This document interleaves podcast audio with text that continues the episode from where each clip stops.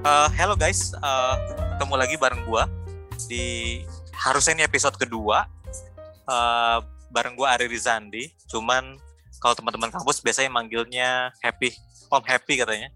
Ya is okay lah ya kalau sesama teman. Tapi host gue yang eh bukan host uh, tamu kita yang pada di episode ini tuh biasanya dia suka manggil gue Ari. Hopefully kali ini gue dipanggilnya Ari ya. Cuman gue nggak sendiri uh, tentunya. Ada Endah. Hai Endah. Halo. Hai, Halo Ari. Hai. Terus uh, buat yang pada dengar paling udah tahu ya di judulnya.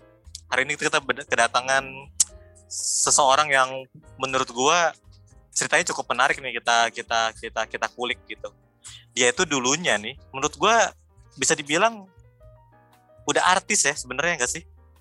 Udah ada di artis. udah manggung di udah mang, udah ada di manggung di inbox, udah sempet ada punya album sama Alpha Record kalau nggak salah ya Universal gitu ya. Langsung aja kita panggil kali ya. Om Genta C Iya oke okay, Genta. Boleh sore masuk Om Happy atau uh, bisa dipanggil Mr. Happy. Ya pakai Om Happy. Ini semuanya om-om ya? Emang udah om-om sih nggak bisa dipungkiri. Udah umur ya? Kabar kalian semua umur. sehat lah ya. Eh sehat mudah-mudahan. Ini yang paling penting sehat. sih di masa-masa pandemi gini. Kita udah gak ketemu berapa lama nih kira-kira ya? Mungkin sekitar 10 tahun lebih ya? Nggak usah dihitung, ya. nggak usah dihitung, nggak usah dihitung. Yes, okay, Jadi okay. itu tujuan podcast kita, Hap. Bahwa hmm. kita pengen orang-orang yang udah lama gak ketemu, terus ngomong, hmm. eh lu dulu bener ini gak sih? Tuh, takut salah-salah gitu kan, takut yeah, yeah. yang menyinggung gitu kan. Tapi ini hmm. podcastnya hmm. tujuannya mau mendekatkan uh, ke teman-teman kita semua yang jarang hmm. ketemu hmm. dan update dari mereka gitu kan. Ya, walaupun sebenarnya di WhatsApp grup tuh cukup rame, cuman suka nggak kekejar ya kalau ngikutin di WhatsApp grup. Tiba-tiba sehari udah berapa puluh, berapa ratus, terus udah beda topik. Wah, udah susah deh kalau manjat-manjat. Yeah. Scroll-scroll ke atasnya. Bener banget. Oke, mungkin kita langsung aja ke pertanyaan pertama, yeah. uh, Genta. Lo udah punya berapa banyak Bitcoin lo? Belum salah. Kebetulan yang main Bitcoin itu di luar dugaan. istri gue sih. Gue sendiri nggak main ya. Jadi gimana Indah? Lo mau tanya apa nih? Oke. Okay. Pertama ya, gue penasaran banget dan gue yakin banyak yang yang pin tahu sebenarnya tak lu sekarang kerja di mana sih tak kan tadi Happy hmm. sempat uh, bilang lu dulu pernah masuk inbox gila nggak tuh masuk inbox. Hmm. Sekarang lu sibuk apa, kerja di mana? Boleh yeah, tak uh, Hai, gue Genta. Yes. Gue sendiri sekarang kerja di PT Insight Investment Asset uh, Management ya. Itu salah satu aset manajemen yang mengelola dana sebesar 15 triliun rupiah ya saat ini. Gue sendiri di sini. Wow. Uh, oh, sebanyak apa itu Om? gue sendiri di sini diberi kepercayaan dan uh, untuk bertanggung jawab ya terhadap divisi investasi dan research. Mungkin pertanyaannya kerjanya ngapain aja sih ya? Pagi-paginya tuh jadi fund manager, hmm. malamnya huruf D-nya hilang. Ini beneran dari berarti. Selain itu gue juga aktif ngajar sih. Entertain, entertain klien iya. maksudnya. Atau lu yang di entertain? Enggak, gue bisa mengentertain klien lah. Apalah gue. Gue juga. Hmm? Lalu kalau okay. kalau 15 T tuh di startup udah unicorn ya, bener gak sih? Bener ya? One billion. Belum, belum, belum, belum, belum, belum. Sekarang unicornnya, oh iya, iya udah dek, ya sekarang dekakor. udah dekakor. Jadi dekakor. udah lebih dari one billion. Yeah, yeah. Oke. Okay. So, nggak tadi bener. Gue kan sama Genta tuh, gue terus terang tuh nggak terlalu tahu lah ya. Maksudnya gue cuman tahu tuh ya pas justru belakangan aja udah mau kuliah, udah mau mau lulus terus pernah dia juga manggung gitu terus ya gue juga kaget sih tiba-tiba kok dia sekarang jadi fund manager atau berhubungan dengan investment gitu. Emang lu tuh dulunya gimana sih, uh, Gen? Dia CIO. Hmm. Tak, CIO itu apa sih dan lu fund manager okay. mungkin sekilas lah gue yakin anak ekonomi pasti ngerti tapi ya, sekilas aja yang lo kelola itu sebenarnya dana dari mana kalau CIO-nya sendiri di sini di Insight gue membawahi ada uh, empat uh, divisi ya divisi investment divisi research divisi investment specialist sama divisi uh, alternative investment ya di mana itu masing-masing ada dipegang hmm. uh, uh, masing-masing head gitu. Nah kalau gue sendiri sini memang lebih uh, bertanggung jawab terhadap uh, mengepalai ya, mengepalai dari uh, empat divisi tersebut. Mm-mm. Gimana Gen? Masih inget nggak? Dulu dulu gimana di kampus? Dulu gue di kampus lupa, gimana ya? Lo ngapain aja? Terus gimana ceritanya jadi pemain band dulu? Terus kalau ya gimana Gen? Boleh. Mungkin gue uh, gue inget-inget dulu. Tapi sejujurnya gue bukan anak yang terlalu berprestasi akademis lah ya di kampus waktu itu biasa-biasa aja. Sekelas lah gue sama Endah. Tapi Hmm. emang uh, banyak pengalaman kemanitiaan gue ya seperti JGTC, Acoustic Across dan lain-lain yang mungkin bisa dibilang yang latih kepribadian gue dalam bersosialisasi saat itu. Nah selain itu sebenarnya mungkin uh, gue juga hobi main biliar waktu itu bareng anak-anak 2003 juga dan bersyukur banget sih gue, Wisnu, dan Yos sempat membawa harum nama FUI waktu itu di kompetisi biliar UI. Jadi juara ngalahin fakultas-fakultas lain. Lo Nah, itu memang- dulu. Uh, sebenarnya sih bukan karena kita jago ya, kita juga mungkin hokinya gede. Sampai banyak yang bilang harusnya main hoki itu di es gitu ya, bukan di meja biliar. Tapi ya, gue juga bingung sih karena kita sendiri uh, juga kaget gitu ya. Kita yang Hmm. Asal pukul aja tiba jadi juara ya. Tapi ya udahlah waktu itu kita uh, angkat piala seolah-olah memang kalau kita itu jago biar mereka yakin lah intinya gitu. Oke. Tapi mungkin memang yang paling berkesan saat itu ketika gue sama band gue ngikutin kompetisi tajuk eh, Acoustic Cross. Mungkin teman-teman pada inget kali ya. Nah itu bisa dibilang itu eh, batu loncatan gue untuk serius dalam bermusik. Tapi ya intinya sih dengan skill kita yang pas-pasan waktu itu ya kita bersyukur ya kita keluar sebagai juara. Dari situlah kita mulai komit untuk meneruskan band ini secara serius ya. Namanya disepakatin waktu itu Gemafe ya sama abang gue sih. Nah kita Hmm. setelah di situ memang sebenarnya nggak mulus-mulus banget juga karir musik kita. Kita nawarin materi ke berbagai label, wah itu ditolak terus. Kadang-kadang juga dapat kritikannya lumayan sadis lah. Materi juga kita bikin nggak sedikit. Waktu itu mungkin kita bikin puluhan sampai ratusan kali ya. Dan hasilnya nihil. Tapi ya kita nggak berhenti sampai di situ. Nah, sebenarnya selain Acoustic Across, mungkin yang pengen gue ceritain itu kita sempat ada ikut kompetisi taraf nasional waktu itu. Kalau teman-teman ingat uh, Emerald Live Wanted 2007 yang ngelahirin The Massive waktu itu ya yang menang. Nah itu memang bisa dibilang itu kompetisi yang terbesar yang pernah gue jalanin di hidup gue ya. Eh. Apa namanya secara uh, bermusik itu kayak energi gue cukup besar keluar kita nyiptain berbagai aransemen baru latihan siang malam tiap hari dan memang ya bersyukur juga kita uh, sempat maju sampai uh, babak final regional Jabodetabek sih. Hmm. Nah bisa dibilang uh, satu tingkat lah itu sebelum grand final yang akhirnya membuat The Massive jadi juara Emerald tuh. Situ kita sempat kecewa karena ya kita tuh berapa gitu. orang sih dulu bandnya? Lo berdua doang ya kita. sama Oh lu uh, waktu itu masih berlima ya? Buk- bukan Ah, yang sama kakak lo bukan ya berdua itu belum? bukan. Masih belum Setelah sampai tuh ya? berlima, Oke. nah, setelah gue berlima itu akhirnya gue sempat bikin album tuh. Gue sempat keterima sama Alpha Music. Nah di situ kita akhirnya ngelahirin sebuah album dan itu sebenarnya lumayan. Di mana kita sempat manggung di berbagai daerah dan lagu kita juga sempat menduduki peringkat pertama sih di berbagai radio daerah waktu itu ya.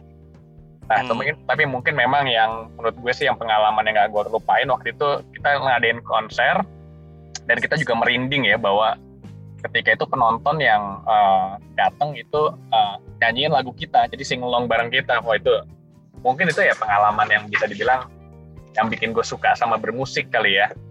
Oke. Tapi ya nggak berjalan mulus sih. Setelah itu nggak lama band itu bubar tengah jalan.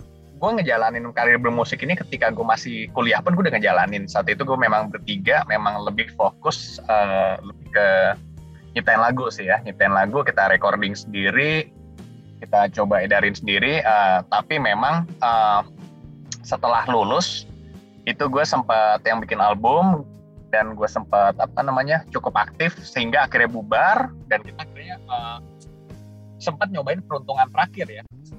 Setelah uh, gue gagal yang berlima itu gue berpikir kalau misalnya gue ternyata gagal lagi mungkin gue kerja kantorannya deh kayak anak-anak lain saat itu ya. Tapi waktu itu bersyukur banget materi kita diterima oleh salah satu manajemen yang cukup well known waktu itu namanya Positive Art ya. Itu dia uh, melahirkan banyak band yang bagus juga dan akhirnya dari manajemen tersebut dia nawarin ke beberapa label, label beberapa label itu suka dan kita akhirnya dapat uh, full sign kontrak dengan uh, Universal Musik Indonesia ya. Waktu lagi naik daun sama Samsons. Kalau teman-teman Hmm. ingat ya. Dan saat itu Hmm. mereka juga cukup yakin sih materi kita bisa seberhasil Samson ya. Udahlah. Kita Hmm. senang banget saat itu dan kita diputuskan nama grupnya G2. Harapannya sih bisa sekelas U2 ya. Walaupun Hmm. ya mungkin sama Tito pun juga kalah gitu. ini gue rasa nih, lucu. sebentar ini gue gue rasa jokesnya udah disiapin nih dia kayaknya. Iya iya iya. iya. Iya, sebenarnya gue emang sama dia. konseptual orangnya sebenarnya. Gue I miss this so much. Ini genta banget. Dulu kalau dia presentasi di depan nih, karena kita sering sekelas ya tak ya. Kayak Ah, kelas. itu Eh, dan sering dia kan sekelas. deket ya. Of course. Nah, dia tuh kalau lagi presentasi ke depan, dia tuh udah punya pantun ataupun jokes yang udah dia siapin. Bahkan sebenarnya Serius loh. fokusnya dia adalah dia cuma mau ngomong itu doang. Jadi kontennya kontennya terserah orang lain yang mau present. Oke. Nggak peduli dia. Pokoknya bagian jokes sama pantun Pantes. punya dia. Pantesan lo selalu pembuka, keberatan ya kalau sama- Pantesan lo selalu keberatan nih kalau sekelompok sama dia. ya. Sebenarnya Tapi- gue- tapi kan. Sebenarnya uh, ada niat Hmm. baik sih di balik itu karena kadang jadi gini jadi kadang gue sendiri tuh nggak dikasih tahu kalau kalau ada ternyata tugas kelompok. Tiba-tiba gue dimasukin aja. Nanti kita maju ya hari ini. Ada apa emang? Lo kan tugas kelompok yang ini. Oh gitu. Ya, karena- sebentar, sebentar. Nah. Emang lo ke mana nih sampai lo nggak tahu ada tugas kelompok itu gimana ceritanya, bro? jadi waktu itu sih emang karena gue udah gengnya waktu itu kan sama ada Felita, Theodora, sama Grace, sama Ando ya. Bisa dibilang emang kita gengnya udah geng tetap gitu ya jadi bisa dibilang setiap ada tugas itu mereka aja yang itu. Tapi kita dikasih tahu di hari H dikasih tahu di hari H. Nah di situ kan gue juga pengen setidaknya gue ngerasa berguna. Karena ibaratnya peran gue udah diambil Ando. Ando bilang oke gue yang Ah. bagian ngeprintin deh. Nah Ando udah bagian ngeprintin terus gue bagian apa gitu kan? Gue berpikir. Ando udah ngeprintin gue Opening deh ada gue gitu ya. modal sama sekali. Akhirnya gue setidaknya siapin pantun lah ya. Yang pa- pantun setidaknya jadi eh, biar gue ada ada ada manfaatnya lah intinya kan eh, ya kita nggak bisa jadi sukses tapi ya setidaknya bisa jadi berguna lah ya bernilai Gila Ya mulia banget. ah sebenarnya kan niat gue sih mulia gitu Tapi kan dia harusnya introspeksi diri gak sih, Dah? Maksudnya sampai dia nggak tahu ada apa, terus ngerti gak lo? Terus, terus sekarang dia tiba-tiba kayak nyalahin orang, ya gue nggak tahu, tiba-tiba gue disuruh present aja gitu. Ya tapi untung dia tetap kepikiran, paling nggak ah, gue bisa berguna gitu ya. Tapi lu Iya. dulu emang sering bolos? Enggak juga kan, Tak? Apa iya ya? Eh sebenarnya sih gue nggak nggak nggak ngasihin bolos. Karena bisa dibilang absen gue cukup lengkap. Karena gue itu nitip absen terus sama Gustami. Dia itu sampai hafal tanda tangan gue sampai hafal nomor NPM gue gue sendiri lupa gitu ya. Apalagi gue juga tipikal orang yang kalau lupa suka nggak inget gitu. Nah dia tuh sampai inget gitu. Sampai gue kadang nanya ke dia NPM gue berapa ya? Nah dia yang ngasih tahu Oh, lo emang udah Itu, gue rasa itu alasannya kenapa lu nggak Ah. diajakin, Tak? karena gue kan sibuk di luar gue sibuk osis saat itu oh, osis osis mah SMA ya apa senat atau apa dulu? nggak juga sih Enggak sih, dia sibuk main biliar kali atau atau ngeband ini kan. Tapi kayaknya lu you've been Nggak, dia- doing that consistently, man. Lu udah emang secara konsisten melakukannya dari awal sampai lu lulus lu selalu begitu. Jadi lu Ya, ya, ya. udah dari konsisten. udah dari dulu udah ini ya punya bakat jadi bos ya emang. Kan, eh, kan eh, NPM gue berapa? NPM gue berapa? Nanya sama orang men. iya iya iya Mungkin gitu cara kita. uh, we can always connect the dot by thinking backward kan. Nah itu tuh. iya iya Tapi Tapi balik ke tadi ya. ya. Tapi balik tadi ya. Kalau dengan cerita lu kan lu kayaknya kalau gue bilang ya, lu kan udah nyeni nyeni banget ya. Udah kayak udah 90% lebih lah lu udah hampir decide karir gue di di musik lah gitu. iya. Nggak nggak ada cerita gua jadi fund manager ya mau pakai dia pakai enggak gitu. Terus apa tuh cerita selanjutnya? What happened in between? Sih udah kayak Iya, kita Asik, udah, udah kayak udah kayak gitu Wiryawan belum? What happened in between? Tell me gitu kan gitu kalau kata dia. Mungkin Gimana, sebelum itu kalau gue lihat di apa namanya di pertanyaan daftar pertanyaan ini ada yang ke kelompat nih iya lah dia bongkar-bongkar loh kita masih buat ada skripnya kan kita kan kesannya kayak pro aja gitu nggak pakai skrip yaudah oh Apa gitu dia? ya? Di, di di pertanyaan lo apa tulis apa pertanyaan berikutnya tadi itu yang ke skip? Nah ini gue juga gue juga gue juga bingung gitu ya. Ternyata ada orang yang Oh. sangat perhatian sama gue dia nyampe bilang seingat gue lo dulu MI ngulang tiga kali ya. Gimana tuh ceritanya? Nah ini baru balik nih dia kayak kayak dulu ya. Tadi minggu lalu waktu lu- kita gue lo jujur jujur tak? Lo nunggu nunggu banget gak sih di podcast? Gue yakin selama belasan tahun karir lo nggak ada yang nanyain tentang history lo gitu. Mereka semua ngelihat lo seperti lo yang sekarang. Mereka nggak tahu lo dulunya kayak gimana. Iya. Jujur sama gue sebenarnya sih uh, dibilang nunggu banget enggak ya? Karena gue udah nyiapin biografi sebenarnya tapi tapi gue nggak tahu itu apakah laku apa enggak ya udahlah jadi gue tumpahin aja biografi di podcast ini sih gue ketawa-ketawa. Eh, um, eh tadi pertanyaan lo belum dijawab Enggak. tuh. Ini nih pertanyaan di- bertanya tadi titik di titik mana lo merasa bahwa oh gue nggak nggak nggak bermusik lagi deh gue mau kerja kantoran kayak kata lo tadi. Eh sorry sedikit aja. Tadi kan takutnya tak ada yang lupa kan. MI itu kan mata kuliah apa sih? Manajemen investasi ya benar ya? investasi. Manajemen investasi. Manajer investasi. Mana- manajemen investasi. Eh manajemen investasi ya manajemen sorry. Investasi manajemen investasi lo eh, ibaratnya eh, nggak lulus sekali terus lo coba dua kali kan kedua kali baru lulus gitu kan iya nilainya B Ya. Jadi ini cukup menarik nih. Dulunya dapat D, terus sekarang malah kerjanya di situ. Tapi sebelum ke situ tadi pertanyaan Endah eh di titik mana lo itu akhirnya kayaknya gue mau belok nih gitu. Oke, jadi memang sebenarnya eh, ketika album Jitu itu lahir, gue udah sempet kayak apa ya, naruh impian yang cukup yang tinggi gitu ya, harapan yang cukup tinggi, karena waktu itu bisa dibilang album itu album yang betul-betul gue tunggu-tunggu, di mana waktu ditanganinnya sama orang-orang eh, seperti kayak sekelas Andi Bayau, terus Stepan Cobain, uh, ada video klip yang Dewas Mentas biasanya ya, terus eh, bintang video klipnya juga itu eh, Arumi Bashin ya, Hmm. yang memang lagi naik daun saat itu.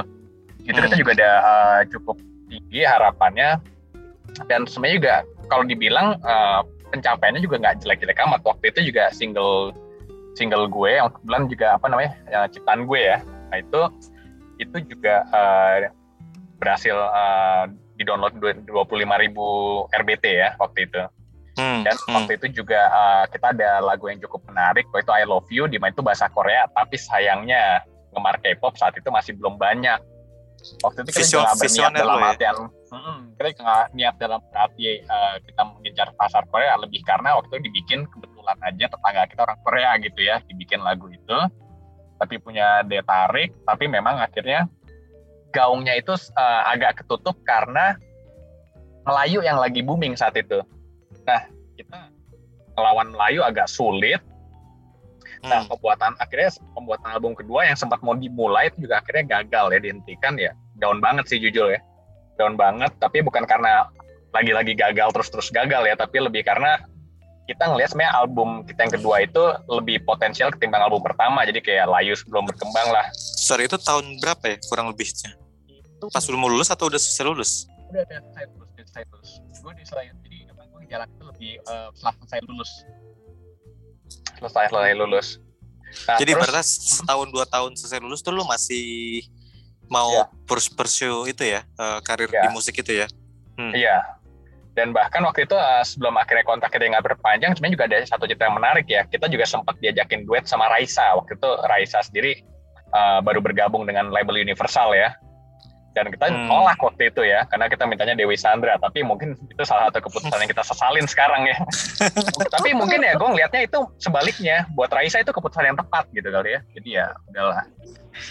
Everything happen for a reason ya. Iya. Nah terus Ah. eh, akhirnya gue di situ juga gue nggak berhenti. Gue nggak berhenti. Gue sempat ambil sekolah musik untuk khusus sound engineering. Itu gue sempat ngambil sampai yang advance ya. Karena gue masih Oh, ingin berkarir di dunia musik saat itu. Oke, itu udah lulus ya setahun eh itu dua tahun setelah lulus. Udah, udah lulus. Nah itu gue sempat jadi kan jadi sound engineer juga ya sekitar setahunan. Terus gue mixingin lagu-lagu anak-anak band yang lain. Dibayar mulai dari 200 ribu. Tapi gue mixing satu lagu sendiri tuh gue serius banget ya dari pagi sampai malam. Ada yang puas dengan hasilnya, tapi ada yang dan terus PO ya, tapi ada juga yang enggak. Terus gue juga sempat ikutan kompetisi jingle Dufan tingkat nasional ya, sampai Dufannya gue ikutan ya, meski cuma jadi juara empat waktu itu, tapi ya lumayan lah aransemen Hmm. gue digunain uh, sama mereka ya, dapat hadiah juga. Nah sampai satu titik, akhirnya gue mulai mutusin untuk vakum dulu deh di musik, untuk kembali ke jalur seperti teman-teman kampus gue yang lainnya yang kerja di kantoran, dan itu gue mulai ngambil uh, berbagai sertifikasi ya, mulai dari brevet dan lain-lain. Itu berarti kurang lebih tiga tahun setelah lulus ya? Ya nggak Ya sih? kira-kira ya tiga tahun setelah lulus karena gue sempat ada yang sound engineer juga ya. Jadi selain gue tahu dua tahun di Universal dan setahun ya jalanin sound engineer lah. Walaupun gue juga uh, sambil-sambil juga ngambil brevet juga waktu itu. Oke. Tapi gue penasaran satu nih Hmm. kak. Lu kan dulu waktu kuliah Hmm. males banget. Gue inget lu bolos mulu kerjaan yang nitip absen terus sama si Gustami. Kenapa setelah lu lulus rajin amat lu sekolah sampai sekolah ini sound engineer. Terus lu ngambil brevet juga demi kembali ke jalur kantoran gitu kan. Hmm. Itu lu kenapa tuh? Takut karena wah gila gue udah temen-temen gue udah pada kerja sebenarnya basicnya gue dari dulu tuh emang sebenarnya anaknya rajin di waktu SD SMP Of mungkin course. SMA udah mulai ya turun-turun Ini dikit bener bener gak tapi sih? tapi Gue tuh kayak nggak tahu mana yang dia bener cerita apa dia lagi setup nih gue nggak ngerti nih sebenarnya. mana yang pencitraan mana yang bukan gitu ya Iya Nah, bingung tapi- gue. tapi sebenarnya kan eh, dengan gue lulus SPMB aja sebenarnya membuktikan kalau kita sebenarnya basicnya kan anak-anak yang mungkin belajar gitu ya. Nah tapi memang gue akuin ketika gue masuk di eh, apa namanya FEUI di awal-awal gue masuknya masih rajin ya, IP gue masih tiga gitu ya. Setelah itu eh, apa namanya hitungan mundur gitu ya, tiga eh, semester berikut dua, besok satu ya gitulah. Jadi agak hitungan mundur. Itu mungkin lebih karena saat itu gue lagi nemuin eh, ketertarikan yang lain sebenarnya gue tipikal orang yang kalau udah suka sama sesuatu atau fokus sama sesuatu itu yang gue fokusin So itu ya gara-gara lo itu ya. Sejak lo Hmm. kenal Gustami langsung lo akhirnya bisa nih gue titipin gitu ya. Merubah mungkin semuanya. itu juga ya gue gue fokusin pas gue coba dan itu ternyata mungkin passion gue gue nitip absen gitu ya katanya menyenangkan ya udah gue titip absen aja terus gitu Oke. tapi terus gue terus pernah jadi ketua kelas loh gue pernah jadi ketua kelas di FEU gitu yang selalu gue banggain dan itu gue nyelamatin banyak orang karena waktu itu banyak yang nggak masuk pas kelas eh, waktu gue jadi ketua kelas karena gue absenin gitu ya tapi ya udahlah Oh itu ibaratnya gerakan belas budi itu ya. Kayak zaman Ah. Belanda dulu ya.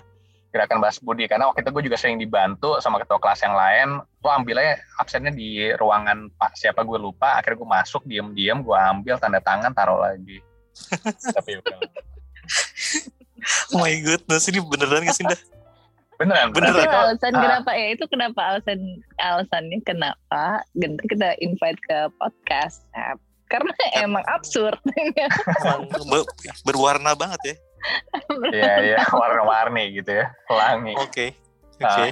tapi emang itu yang gue sadarin adalah gue beruntung ya waktu mungkin belum ada CCTV kalau ada CCTV mungkin gue juga gue Oh udah bisa di celaka kali ya udah di lambe turah lu.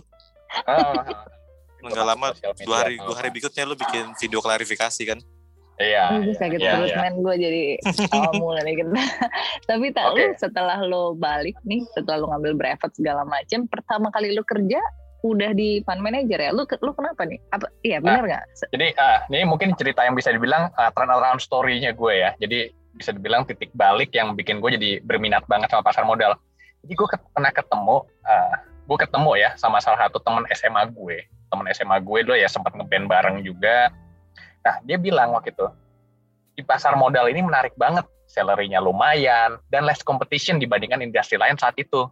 Gue langsung percaya saat itu, karena teman gue sendiri tuh jadi glow up ya, ya lo ngerti lah gitu ya, waktu SMA gimana, terus gue lihat ini nggak bohong nih orang nih ngeliat penampilannya gue intinya ngeliat penampilannya gue percaya sama dia nah apalagi yang waktu itu yang bikin gue pede ya akan apalagi dari, dari kondisi yang ngedown saat itu gue dia bilang Gen kan waktu SMA kan lo lebih jago lah matematika dari gue. Apalagi lo terkenal juga salah satu anak sayangan Bu Eti waktu guru matematika waktu SMA ya, terkenal galak lagi. Nah mestinya peluang lo di sini lebih baik dari gue. Gue aja bisa masa lo nggak bisa? Nah teman gue sendiri itu juga lumayan terkenal di pasar modal ya. Dia sempat bikin lembaga mengajar WMI namanya IP Institute. Di isinya yang pengajar juga lumayan beken lah di dunia pasar modal itu. Nah pesan dia waktu itu ke gue, syarat lo kelihatan di pasar modal tuh cuman uh, simple kok. Yang penting lo punya sertifikasi WMI, WPPE, WPEE, apalagi kalau lo lulus CFE gitu. Kerjaan yang nyari lo lah, bukan lo yang nyari kerjaan. Kalau uh, punya sertifikasi, karena yang punya sertifikasi kehitung banget pakai jari pada saat zaman gue. Sekarang sih Oke. wah, nggak kehitung ya. zaman itu ya CFP susah Zaman banget itu, ha-ha. Terus, dan dimulailah petualangan gue di pasar modal. Gue mulai coba ikut sekolah WMI di salah satu lembaga namanya Bina Insan ya. Di situ gue ketemu sama beberapa networking gue seperti Direktur Xpring, Ketua CFA Indonesia sekarang, Direktur Sinormas sekarang. Yang itu juga waktu itu masih ikut ujian WMI, jadi bisa dibilang bareng-bareng gitu tumbuhnya. Nah, gue Hmm. gue gue mencoba lah duduk paling depan lah ya, biasa cari muka gitu kan. dan mencoba paling Lu aktif di kelas. absen tuh waktu itu tak? Lu nggak titip absen ya? Nggak. Mahal soalnya bayarnya. Karena waktu itu eh, nggak ada NPM. Tobat dia, tobat. Udah tombak. Tapi intinya sih di situ gue kayak eh, terpacu banget ya. Eh, bisa dibilang ya gue paling mencoba paling aktif di kelas dan bisa dibilang networking gue emang terbentuk di berbagai kelas training ya. Gue nggak ikutan binaan sana aja, gue ikutan binus dan lain-lain ya. Eh, Setelah itu gue lulus WMI, WPP, WPE sama CFA level 1 ya. Nah itu gue mulai bekerja di Trimegah Sekuritas, jadi bond trader ya, dan aktif Hmm. ngajar juga di lembaga pendidikan Bina Insan itu. Jadi kebetulan karena gue aktif di kelas, akhirnya uh, dosennya ikat sama gue. Ya, terus ya awalnya gue ngajar ya, dia minta gue jadi dosen pengganti, mau siapa yang yang cancel mau nggak? Ya gue Hmm. waktu itu gue mau aja deh. Pokoknya semua kerjaan gue hajar deh ya, mau jadi uh, dosen yang di IP, di Bina Insan, pokoknya ada yang ada yang cancel pelajarannya apa aja gue hajar dulu deh. Gue sempat mau gunain uh, apa namanya bakat gue yang melawak di depan kelas gitu ya. Tapi ketika gue coba itu dan sambutan Nggak ada mereka tuh serius nggak ada gitu. yang ketawa. Ah nggak ada yang ketawa, sambutan mereka serius. Mereka malah ngangguk. Di situ gue jadi ngeri kan. Ini gue takutnya salah gitu. Setelah itu gue mungkin akhirnya jadi lebih serius. Nah itu mungkin jadi titik balik gue jadi Oh, agak oke. lebih serius ya. Karena ketika gue Oke. ngelawak nggak ada yang ketawa, giliran gue serius malah pada ketawa gitu ya udahlah. Jadi dulu teman-teman kampus lo menyesatkan ya, karena kita sering dulu ketawa, pas lo ngelucu, lo jadi nggak tahu Iya, gue jadi jadi ngerasa ternyata gue punya bakat gitu kan. Pas gue ternyata di depan ngajar, akhirnya gue nyoba nggak bisa nih. Ya udah akhirnya gue menjadi dosen yang uh, serius. Serius. Dan Dan lo itu mulai, itu, hmm, tak lo mulai juga agak, sorry, agak telat dibanding yang lain kan, karena Hmm. kan anak-anak pada begitu selesai kuliah, oh masuk ke apa namanya multinational company lah, masuk ke yang incer mana apa FMCG lah, oil and gas lah, konsultan lah, auditor lah. Nah waktu itu lu masih di musik kan, berarti ini lu baru tiga tahun setelah lulus ya, baru benar, baru ini ya ngelakuin ini semua. Benar. Tapi memang kalau dibilang telat, ya pasar modal saat itu nggak telat. Jadi banyak justru yang masuk pasar modal itu saat itu adalah mereka yang banting setir dari industri lain, termasuk yang teman gue yang cerita waktu itu. dia Oke. itu uh, bisa dibilang waktu itu sampai dia cerita banyak teman-teman kita kata yang temen SMA yang di apa uh, oil and gas dan mining itu setelah masuk pasar modal itu nggak ada yang keluar lagi karena memang saat itu bisa dibilang ya mungkin kayak startup zaman sekarang kali ya Lagi mungkin kalau lihat pasar modal ya awal-awal Hmm. kan masih yang uh, ya less competition ketika lo apa namanya lagi lo shining langsung shining bersinar ya. gitu ya benar Eh, tapi sebentar. Tadi yang gue penasaran gini. Anggaplah lu kan tadi udah udah nyeni banget gitu ya. Gimana bisa tiba-tiba kayak dalam satu detik gitu tiba-tiba lu jadi passionate ngurusin angka-angka and so on and so forth gitu ngerti nggak maksudnya? Oh, atau sebenarnya oke emang lu serba bisa aja gitu? sebenarnya eh, gue itu memang punya keahlian di, di matematika ya. Sebenarnya gue lebih seneng angka ketimbang suatu yang kualitatif sebenarnya kalau dalam eh, pelajaran gitu ya. Makanya gue sebenarnya lebih seneng matematika ekonomi ketimbang accounting gitu ya. Accounting itu kan Hmm. bukan angka sebenarnya lebih konsep dan lain-lain lah. Nah di situ eh, Oke. jujur pasar modal itu bisa dibilang sesuatu yang gampang banget buat orang yang senang matematika ya. Karena cuma ada tambah kurang bagi kali. Tapi di situ lo udah bisa uh, menghasilkan sesuatu karya yang bisa dibilang oh sophisticated gitu ya. Karena padahal kita cuma Hmm. menambahkan sesuatu mengurangi sesuatu.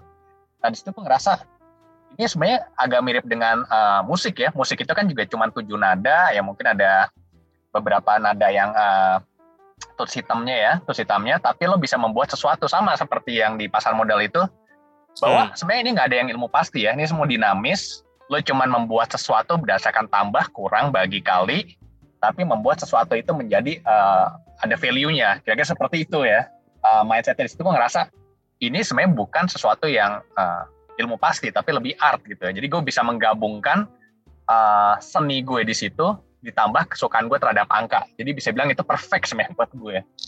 Ya, Wow, gitu. luar biasa. Dah, lu tahu filmnya ini gak sih, dah? Will Smith, The Pursuit of Happiness? Nah, heeh, heeh. Jangan-jangan dari kisah hidupnya dia nih. Masuk ke pasar modal, terus berhasil ya gak sih? Mirip banget Cuman kan ceritanya. kurangnya kurangnya lu belum belum tidur di pinggir jalan kan. Sampai Bener. lu ngerasa kayak lu harus harus berhasil nih karena Lu lu Will, Will Smith, penny. Will Smith banget, men. Mm-mm. Terus gue malah belum nonton tuh filmnya ya. Nanti coba gue Dan- tonton deh. tak ini lo, yang lo lakuin setelah lo lulus definitely something yang lu nggak pernah lakuin pas kuliah kan. Maksudnya dulu inget nggak Hmm. ada salah satu uh, reksadana yang bikin apa namanya sih ya dulu ngomongnya apa sih yang bikin bikin uh, Ada space lah ya? Hmm. iya lu kagak usah mention brand kali. Eh lu nggak pernah masuk juga sih sebenarnya. Lu tahu nggak ada itu? Sebenarnya gue pernah ikutan gue pernah ikutan waktu itu ingat banget gue tuh pengalaman perinvestasi pertama gue justru malah kuliah pas saat itu ya waktu itu ikutan IPO PJA eh, pembangunan Jaya Ancol ya waktu itu bareng Hmm. Ivan nah bareng Ivan Ivan Uban ya kita tuh sampai ikutan antri cuman buat beli satu lot saham Ancol ya ya wajar lah kan eh, mahasiswa dulu cuma bisa beli satu lot gitu ya nah Lo hidup situ hidup lo kayaknya nggak jauh-jauh dari Dufan kayaknya dari ya. Udah tiga kali lo berhubungan something fun gitu ya kayaknya doing something fun Dufan, terus Univa. terus terus sorry kepotong. Lo beli Ah. satu lot terus di satu lot. Nah itu gue sampai antri, gue dapat prospektus lah, dapat walaupun gue baru baru baru baru tahu sekarang. Oh dulu gue ngambilnya prospektus yang gue inget cuma dulu ada buku gede banget gitu ya. Ini buku gede banget kata Ivan kita baca yuk kita baca juga bacanya apa gitu kan nggak ngerti. Nah terus di situ waktu gue beli dan itu gue untung walaupun untungnya cuman ya paling puluhan ribu ya. Tapi gue ngerasain untung oh ini loh eh, namanya saham ya tapi ya udah karena mungkin saat itu gue fokusnya jauh lebih besar ke musik nih lo sekarang Hmm. eh, ini agak-agak apa namanya biar menarik juga nih kan lu sekarang berarti lebih ke em, ngomongnya apa ya investment yang kayak ya aset management lah ya yang lo tadi bilang gitu kan dan dulu zaman kita mana ada kripto kan Ah, Gitu. iya. Sekarang lu tadi lu bilang istri lu ya yang main ya. Tapi lu nggak nggak lu masih tetap di area lu aja nih yang eh, apa investasi konvensional. nih kalau misalkan disuruh pilih nih, gue biar mumpung lagi seru ya. Kalau Iya, disuruh pilih misalkan lo sendiri tuh reko apa enggak reko di kripto kalau suruh pilih yes or no apa sederhana aja nggak usah pakai alasan. Ini Apa? petisi tuh Reko. Lu Maksudnya lo, rekomen lo rekomen re- nggak? rekom- recommend to join uh, that kind of investment di kripto gitu atau enggak yes or no aja misalnya. Oh, gue yes. Oh yes ya. Tapi Iya. jumlahnya nggak banyak. Nah, tapi jumlahnya nggak banyak. Oke. Jadi eh, Oke. kalau gue itu eh, filosofi gue ya. Jadi kalau lo berinvestasi ya memang pertama harus punya tujuan investasinya dulu ya, yang jelas. Hmm. Jadi jangan Hmm. jangan ibaratnya uang eh, uang panas yang ibaratnya lo keluar masuk eh, cepat, lo masukin ke kripto, saham atau apa pun. Tapi intinya dari eh, aset lo, setidaknya ada satu bagian yang mungkin untuk dimasukkan ke yang ber- eh, beresiko banget, ya mungkin Hmm. less risk dan eh, jadi ketika eh, aset itu bergerak eh, berlawanan, kan kan kalau teori diversifikasi lalu pilihlah yang aset yang punya korelasi negatif gitu ya. Jadi ketika Ya. apa namanya aset itu bergerak berlawanan, lo bisa men- eh, mendapatkan manfaat eh, diversifikasi tersebut. Ya, kripto salah satu yang bisa jadi pilihan ya menurut gua alternatif investasi juga ya. Ya. Apalagi kalau kita lihat juga dia eh, bisa dibilang bisa eh, menjadi suatu hedging strategi ya. Karena kalau kita lihat ketika aset yang lain itu jatuh dia justru naik. Ya kalau secara teori diversifikasi dia memiliki fungsi itu. Walaupun Oke. kalau kalau menurut gue seberapa banyak ya kalau bisa mungkin eh, sesuaikan juga dengan tujuan investasi lo. Jangan terlalu banyak. Lo juga nggak boleh Hmm. taruh di satu kripto. Mungkin lo eh, punya aset kelas yang lain. Pada Hmm. intinya sih eh, diversifikasi kunci utama investasi lah gue Iya. Tapi istri lu consult nggak sama lu waktu ini kayak mau beli apa nih atau lu nggak tahu nih istri lu beli apa di kripto? Eh, sejujurnya enggak sih karena dia Oh, iya. sendiri kayaknya lebih ngelihat TikTok gimana yang lagi hype eh, si Twitter Elon Musk seperti apa yang lagi hype ya udahlah itu duit duitnya dia gitu kan gue nggak bisa ngelarang Tadi Oke, oke. gue pikir kripto kenapa? Bentar, tadi gue gue kan gue pikir tuh dia dia bilang lo rekomend gak sih orang invest di kripto atau eh, yes or no kan? Gue pikir dia jawabnya no gitu kan. Ternyata dia jawabnya yes. Kalau jawabnya no, dia ada masalah kali dalam rumah tangganya. Masa istrinya dibiarin dibiarin, dibiarin nyebur aja?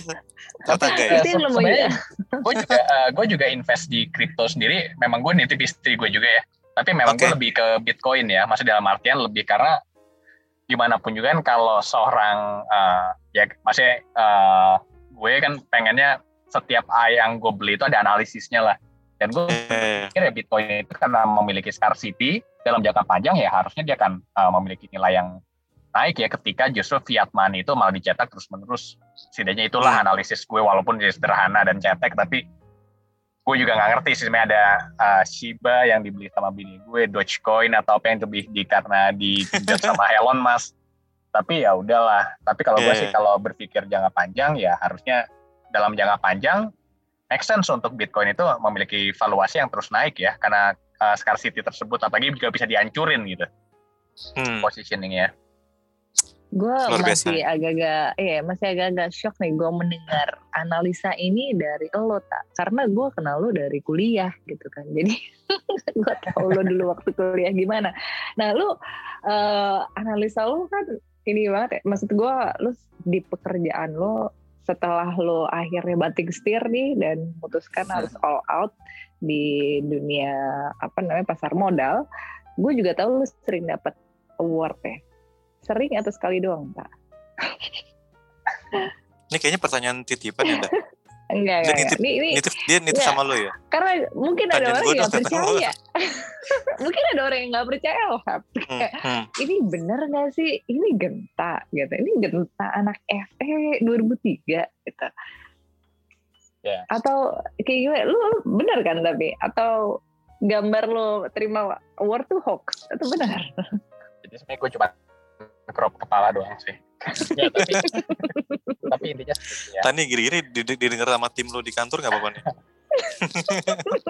tapi ya intinya sih gini gue juga nggak bisa ngeklaim kalau ini hasil kerja gue sendiri ya tapi ini adalah kerja kita sebagai tim Nice. yang hebat dan solid lah dan kita bersyukur dalam tiga tahun terakhir kita memperoleh 35 award itu melebihi seluruh pencapaian Oh. 13 tahun sebelumnya ya yang cuman eh, 13 award tapi kita sadar Oke. ya ada kalanya kita bisa menang tapi ada kalanya kita juga bisa kalah yang paling penting ya kita nggak boleh berhenti untuk terus belajar dan berkembang sih Oke. yang menurut gue Gue mau Oke. tanya, lo lu kan anggap lo kan sekarang di inilah ya ibaratnya kan kalau di company lo mungkin masuk ke leadership team lah ya lo pegang di Iya. investment ininya apa sih your top 3 tips di leadership tadi selain pilih pilih tim yang apa tidak sumbang tumbang tinggi gitu? Apa sih yang lo selalu pegang sebagai leader? Aduh gue contekannya belum ada nih yang itu nih. Jadi serius nih. Kalau udah sering di interview dong pada saat menang awards ya uh, pertama memang apa yang lo harus uh, yang lo sampaikan ke mereka itu harus uh, jelas ya. Jadi kalau bisa apa yang lo sampaikan itu Hmm. lo tanya lagi lah ibaratnya apa yang kita sampai itu sama nggak? Uh, kira-kira penerimaannya dengan mereka. Karena yang kejadian kan sering kita menyampaikan apa mungkin bukan salah mereka tapi salah kita yang menyampaikannya ya. Makanya kita juga butuh feedback apakah betul-betul kita satu visi satu misi. Terus yang kedua ya berikan peran masing-masing lah uh, terhadap uh, bahwa mereka itu punya peran. Dan mungkin yang paling ketiga itu gue termasuk penganut yang nah gue termasuk penganut yang passion to perform ya ketimbang pressure to perform. Jadi gue memang selalu uh, menanamkan ke mereka bahwa bekerja dengan passion. Jadi ketika gue ngelihat ada tim gue yang mungkin udah mulai demotivasi pasti gue akan akan mengajak ngobrol uh, kadang uh, face to face ya. Di mana mungkin ya mungkin bisa jadi gue yang salah. Jadi uh, hmm. intinya sih gue pengen banget bahwa mereka itu bekerja dari passionnya mereka. Dan itu memang uh, butuh proses butuh waktu. Nggak nggak secepat itu kadang bisa uh, terjadi ya. Kadang gue juga gue juga bisa gagal dan gue juga suka salah dan mungkin gue juga sering ngadepin uh, penolakan juga ya. Tapi Hmm. buat gue penolakan atau penerimaan itu sama lah. Di situ gue lebih open mind lebih terbuka dan gue lebih uh, nerima masukan atau apa pun yang diberikan ke Hmm. gue ya. Itu pelan-pelan. Gue belum belum bisa sempurna tapi ya pelan-pelan gue menuju situlah. Itu yang kalau kadang- pertanyaannya kerjaan nih, Genta serius banget, Hep. Jadi Oh, serius ya gue ada ini ya, kan kalau ada orang yang misalnya ditanyain, eh lu udah selama ini lama banget di pasar modal, lu pengennya apa? Oh ternyata gue passion gue traveling nih, gue mau pensiun Hmm. dini. Nah lu kan agak kebalik nih, lu me, me- me- apa ya namanya, me- lu udah melakukan itu sebelum lu terjun ke dunia profesional kan. Hmm. Which is lu udah nyobain ngeband segala macam sampai Hmm. akhirnya lu ngerasa bahwa oh gue ternyata maunya balik jalan profesional nih gitu kan ke pasar modal gitu kan dan sekarang pertanyaannya lu masih ada nggak yang lu pengen kerjain nih atau lu udah udah nggak ada nih semua udah lu lu coba apa yang lo masih pengen kerjain tak? Bentar, Ada, kalau kalau tambah tambahin dikit aja kan. Maksudnya Hmm. kan jadi artis juga ya with all respect ya. Take home pay juga nggak apa luar biasa juga nggak sih? Maksudnya itu tadi untuk nambahin pertanyaan Enda. Masih ada nggak sih Ya, ke arah pengen ke sana? Iya, lu masih penasaran gitu maksud gue gitu kan. Apalagi kan Iya. kita lu bilang dulu lu K-pop tapi belum zaman. Sekarang mungkin kalau lu melakukan itu, ya kan bener gak gitu. Kayak Hmm, kali ini lu masih punya passion itu atau ada lagi nggak hal lain yang mungkin biliar mungkin atlet biliar gitu. apa yang lu pengen ini masih pengen lu capai atau pengen lu kerjain? Ya, sebenarnya sih eh, apa yang lo sampaikan tadi itu tepat banget ya. Sebenarnya gue masih ingin berkarya di musik. Sebenarnya di sela-sela kesibukan gue sendiri, gue masih membuat beberapa karya lagu sih. Dan gue masih bermimpi suatu saat karya gue bisa dinyanyiin orang-orang. Karena menurut Hmm. gue, karir dan posisi seseorang itu bisa cepat diingat dan cepat juga dilupain orang-orang. Tapi kalau karya itu abadi sih. Wow, Wow, wow, Hep, wow, sampai sampai ter tertohok, sampai terte- tertegun gue, tertegun, tertegun. Heeh. Hmm. Amin, Tapi- doain aja. Oke. Eh, mungkin sebelum kita mendekati akhir nih. Jadi di podcast kita tadi bahkan belum sempat nama nyebut nama podcast di depan lo udah lupa. Di Iya, podcast iya. Kita, kita bisa bikin 0603 dulu nggak? Ya lu, lu, dulu, lu dulu, lu dulu. Nanti biar tinggal di cut taruh Iya. di depan. Hep. gitu ya. Eh, welcome to podcast 0603. Gue juga anyway di podcast 0603 ini tuh eh, kita ada satu pertanyaan signature lah ya. Jadi kalau lo lihat di list pertanyaan yang udah kita kasih ke lo itu, Hmm. jadi if Yang you kita can sendiri juga udah lupa apa yang harus kita tanyain. If you can turn back time gitu, what will you do differently? Atau what do you think you can do better? Mungkin gue mau ikut lebih banyak kompetisi atau say yes to Hmm. Raisa atau apa Ah, yang kayak gitu. Mungkin Nah, ya itu kan? itu itu saya yes to Maybe Raisa you mungkin said yes ke Raisa. Ah. itu. bisa dipertimbangkan sih. Oh, oh, itu juga masih dipertimbangkan. Luar biasa, jumawa sekali Anda. Tapi Nggak pernah sempat ketemu? Pernah sempat ketemu gak sih Um, sama Raisanya? Sewaktu sama zaman itu Raisanya ya, tapi mung- ya mungkin ya ketemu, ketemu tapi mungkin ya ketemu gitu aja kali ya. Lebih karena kan kita satu label aja gitu kan. Atau gue rasa dia bakal pengen ini deh. Gue gue I should apa namanya kenal Gustami earlier kali. Mungkin kalau dia pengen isi konten back time kan. Karena tadi di tahun pertama dia katanya masih ini kan, masih rajin gitu kan. Tahun tahun kedua setelah tahu ada Gustami gitu jadi Jadi nemu passion yang baru gitu ya. Heeh. Dan mungkin itu jadi eh, mungkin ketika Gustami ditanyakan hal yang sama itu mungkin yang pengen dia hindarin kali. Karena dia perketahuan kan, men. Waktu itu. pernah ya? Pernah, pernah, pernah. Pernah. Dia dia sempat dalam masalah gak kayak gue. Eh tapi ini asli seru banget kayak apa? Kalau pas nanya kerjaan sedikit langsung kita bisa lihat sisi lain si Gen- Genta gitu ya. Pas kita nanya agak kiri dikit dulu hal-hal yang dulu di kampus, iya konyolnya keluar ya Nda ya. Begitu lo tanya lagi serius, dia balik lagi gitu. Jadi ini kayak Iya. lo berkepribadian ganda. Sepertinya Anda Mungkin berkepribadian mungkin enggak ganda. ya. Mung- Mungkin lebih karena gue di dunia yang sekarang formal ini yang ketahan gitu. Akhirnya gue bisa keluar gitu kan. Wow, thanks to 0603 podcast. Cie gitu. Podcast ya. Tapi Selama kita kalau tadi ketahan, gue bingung mau Hmm. ngomong sama siapa, gue mau ngeledakin siapa. Ketika gue ngajar, gue juga nggak ada yang ketawa gitu kan. Hmm. Akhirnya di sini gue ngerasa ada apa ini ya, ini wadahnya gitu. tapi kalau gitu sebenarnya belum-belum nih Nda podcast ini ini kan si kalau jadi si Genta kan tayang episode kedua ya. Ini sudah Hmm. mencapai eh, misinya. Jadi orang-orang yang udah kenal temennya siapa terus sekarang jadi tahu. Orang yang gak pernah tahu dulu Genta orangnya gimana sekarang jadi tahu. Jadi makin lebih akrab. Jadi kalau besok kalau reunian nih, tak lo udah orang merasa tahu lo aja ntar. Jadi lo harus harus ramah gitu. Lo udah kayak people knows you man. Wah, thank you banget, thank you banget. Atau lu kalau kalau ya. tanya, "Tak, apa kabar?" Lu udah denger podcast gue belum? Asik. Lu kalau tanya ditanyain orang apa kabar, Tak? Lu udah dengerin belum? Dengerin dulu dong podcast gue. sekali. Biar makin banyak yang dengerin. Kayaknya boleh nih dah beneran kita bikinin sesi webinar lah ya, ntar kapan-kapan kapan. Ah, Seriusan. Tapi, tapi benar, benar. Ini ini di luar ini ya. Kemarin sempat kita ada berapa kan ngobrolin episode. Ada beberapa yang, eh coba dong kalau misalnya yang yang ada beberapa uh, di invite rame-rame gitu kan. Jadi biar kalau ini kan itu cuma bertiga kita record gitu kan. Mereka banyak yang kayak pengen dengerin, tapi nggak usah nanya. Nanti nanyanya tetap di chat aja gitu. Suaranya Mhm. tetap berberapa gitu. Jadi maybe something to consider tak gitu karena kan Iya. Eh, ya area lo ya mungkin lo bisa ngomongin kripto, ngomongin gimana cara diversifikasi, ngomongin gimana cara mengalokasikan uang belanja agak-agak kayak Hmm. personal Dan gue biasanya memang se- sering banget ngadain uh, market update, jelasin tentang proyeksi ekonomi. Dan tahun berikutnya gue datang lagi buat jelasin kenapa proyeksi gue salah. sih. Ini ini kalau ada Emir seru juga nih. Emir kan juga mm, ya gua kan maksudnya dibandingin gua kan mungkin Emir lebih ngerti nih. Jadi ntar mungkin kalau pada saat kita ada sesi itu wah seru nih kalau banyak yang nge-challenge challenge gitu kan. Which is uh, address the same purpose kan. Ya kita mungkin ya biar lebih akrab lah satu sama lain.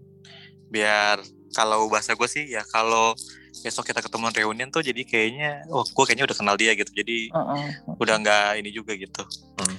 Oke, eh, sebelum ditutup nih, lo ada yang mau lo sampein lagi, sih sampein lagi, atau mungkin lo ada nggak tahu, ada yang lo mau ini lo, atau lo mau yang promote something, atau lo mau promote something, boleh juga lo, Ah, anything sebelum Mungkin ditutup. ini kali ya, apa namanya, Hmm. bisa mungkin bisa dibilang ada satu pertanyaan yang sebenarnya pertanyaan awal, tapi menurut gue cocok jadi eh, pertanyaan, penutup gitu ya, yang karena cocok banget dan dengan tema kita FEUI.